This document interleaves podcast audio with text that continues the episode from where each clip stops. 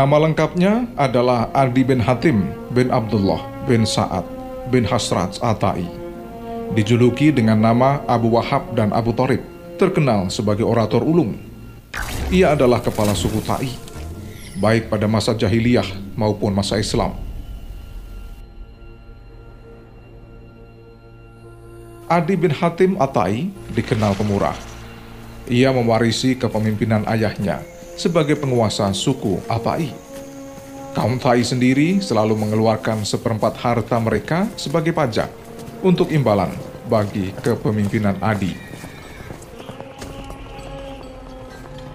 Ketika Rasulullah Shallallahu Alaihi Wasallam mendakwahkan Islam, berangsur-angsur bangsa Arab mulai mendekat kepada beliau, suku demi suku. Tapi Adi justru melihat pengaruh Rasulullah merupakan ancaman yang akan melenyapkan kepemimpinannya. Karena itu dia memusuhi Rasulullah meski dia sendiri belum mengenal pribadi Rasulullah Shallallahu Alaihi Wasallam. Hampir 20 tahun dia memusuhi Islam. Adi bin Hatim Atai saat itu berkata, Tidak seorang pun bangsa Arab yang lebih benci daripada aku terhadap Rasulullah ketika mendengar berita tentang beliau dan kegiatan dakwahnya. Aku seorang pemimpin yang dihormati dan tinggal dengan kaumku di daerah kekuasaanku. Aku memungut pajak dari mereka seperempat dari penghasilan mereka, sama dengan yang dilakukan raja-raja Arab yang lain. Kalau aku memeluk Islam, bagaimana dengan harta kekayaanku dan kekuasaanku?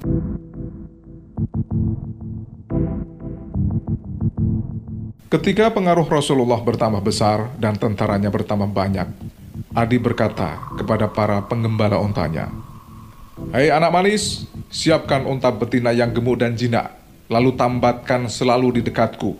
Bila kamu dengar tentara Muhammad atau ekspedisinya menjejakkan kaki di negeri ini, beritahukan kepadaku segera. Hingga suatu pagi, penggembala untanya datang menghadap. Wahai tuanku, apa yang tuanku perbuat jika tentara berkuda Muhammad datang ke negeri ini? Maka lakukanlah sekarang.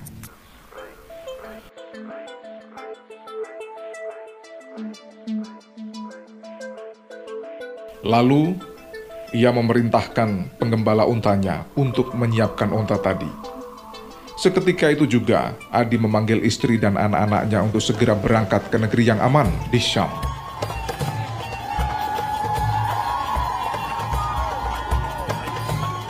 Karena terburu-buru mengumpulkan keluarga dan hartanya, Adi tak tahu. Ternyata ada di antara keluarganya yang tertinggal adik perempuannya tertinggal di negeri Najd beserta penduduk Thai yang lain. Saudara perempuannya tertangkap beserta sejumlah wanita dan menjadi tawanan yang kemudian dibawa ke Yastrib.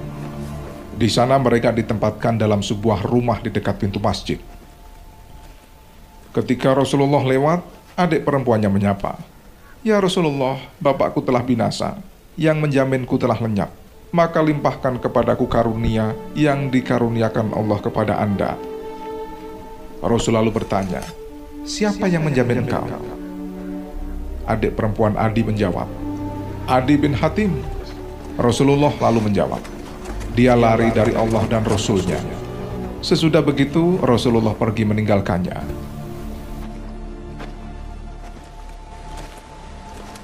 Besok pagi, ketika Rasulullah lewat, adik perempuan Adi berkata pula seperti kemarin kepada beliau.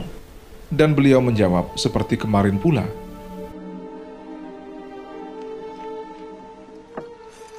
Pada hari ketiga, Rasulullah lewat. Adik perempuan Adi lupa menyapa beliau dan tidak berkata kepadanya. Lalu seorang laki-laki memberinya isyarat supaya menyapa beliau. Saudara perempuan Adi itu lalu berdiri menghampiri Rasulullah seraya berkata, Ya Rasulullah, bapakku telah meninggal, yang menjaminku telah lenyap, maka limpahkanlah kepadaku karunia yang dikaruniakan Allah kepada anda. Rasulullah menjawab, saya penuhi permintaanmu. Saudara perempuan Adi lalu berujar, saya ingin pergi ke Syam menemui keluargaku di sana. Rasulullah berkata, engkau jangan terburu-buru pergi ke sana sebelum engkau mendapatkan orang yang dapat dipercaya dari kaummu untuk mengantarmu ke sana. Bila engkau mendapatkan orang yang dipercaya, beritahukan kepada saya. Setelah itu Rasulullah Shallallahu Alaihi Wasallam pergi. Saudara perempuan Adi menanyakan siapa laki-laki yang memberi isyarat kepadanya supaya menyapa Rasulullah. Lalu orang di dekatnya berkata, orang itu adalah Ali bin Abu Thalib.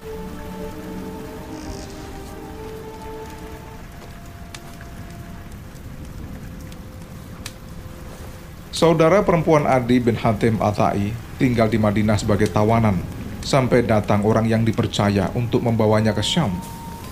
Setelah orang itu datang, dia memberitahu kepada Rasulullah, "Ya Rasulullah, telah datang serombongan kaumku yang dipercaya dan mereka menyanggupi mengantarku ke Syam."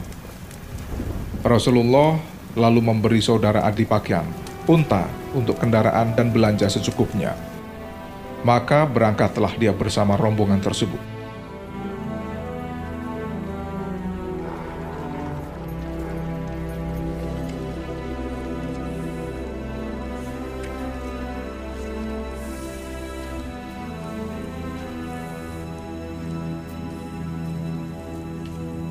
Ketika rombongan sampai ke Syam dengan selamat, Adi bin Hatim Athai hampir tidak percaya dengan apa yang telah dilakukan Rasulullah dengan segala kebaikan yang telah diberikan terhadap saudaranya. Setelah turun dari onta, saudara Adi segera menghampiri kakaknya sambil berkata, anda tinggalkan kami. Ada tolim. Istri dan anak-anak Anda dibawa. Tapi bapak dan saudara perempuanmu serta yang lainnya Anda tinggalkan. Kenapa Anda bisa berbuat seperti itu? Adi bin Hatim Al-Ta'i menjawab, Adikku, janganlah berkata seperti itu. Kemarin aku memang benar-benar lupa, karena aku gugup, panik, dan takut. Setelah suasana mencair, Adi bin Hatim Atai meminta saudara perempuannya menceritakan pengalamannya. Adi bin Hatim lalu bertanya, Adikku, kau wanita yang cantik, cerdik, dan pintar. Bagaimana pendapatmu tentang orang yang bernama Muhammad itu?' Demi Allah, sebaiknya Anda temui dia, segera. Jika dia nabi, maka yang paling dahulu mendatanginya, beruntunglah dia. Dan jika dia raja, tidak ada hinanya Anda berada di sampingnya, karena Anda adalah seorang raja. Saat itu pula Adi bin Hatim menyiapkan perlengkapan, lalu pergi ke Madinah menemui Rasulullah.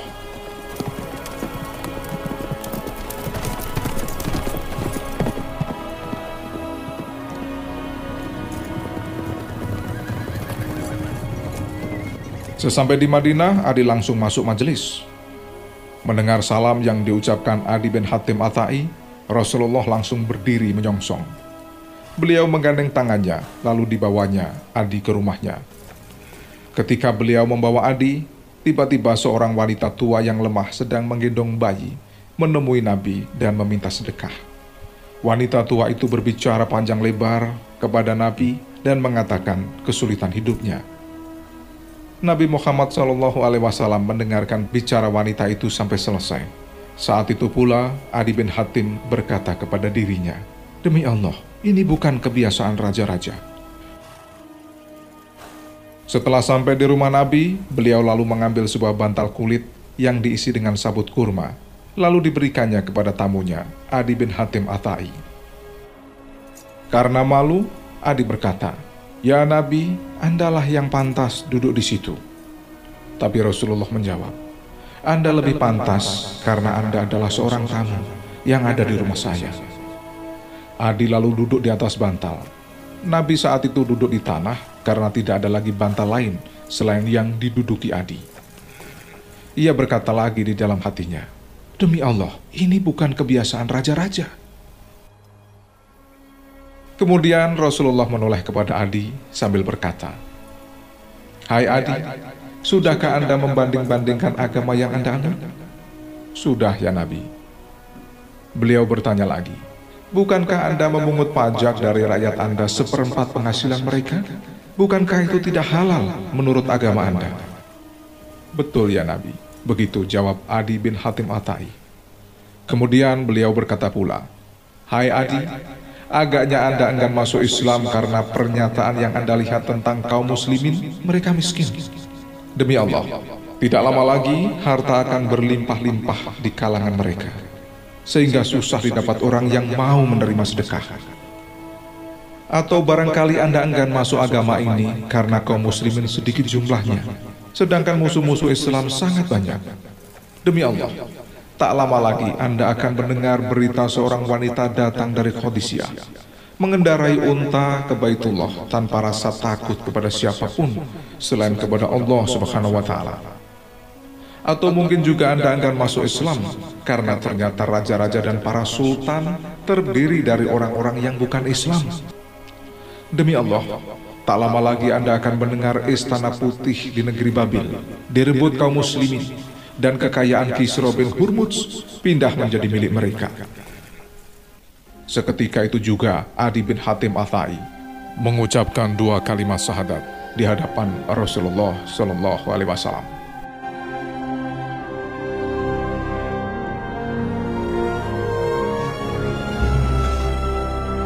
Adi bin Hatim dikaruniai Allah usia yang panjang. Pada suatu sore, di halaman masjid, Adi bercerita kepada sahabat-sahabatnya. Dua perkara yang dikatakan Rasulullah Shallallahu Alaihi Wasallam sudah terbukti kebenarannya. Tinggal yang ketiga, namun aku percaya itu pasti terjadi.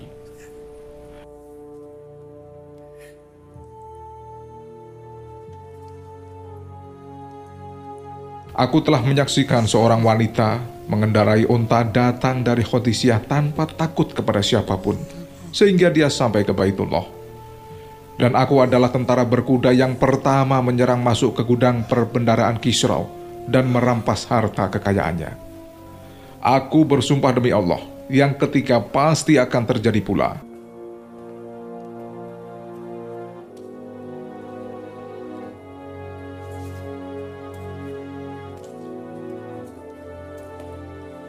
Ternyata peristiwa ketiga terjadi pada masa pemerintahan Khalifah Umar bin Abdul Aziz ketika kemakmuran merata di kalangan kaum muslimin.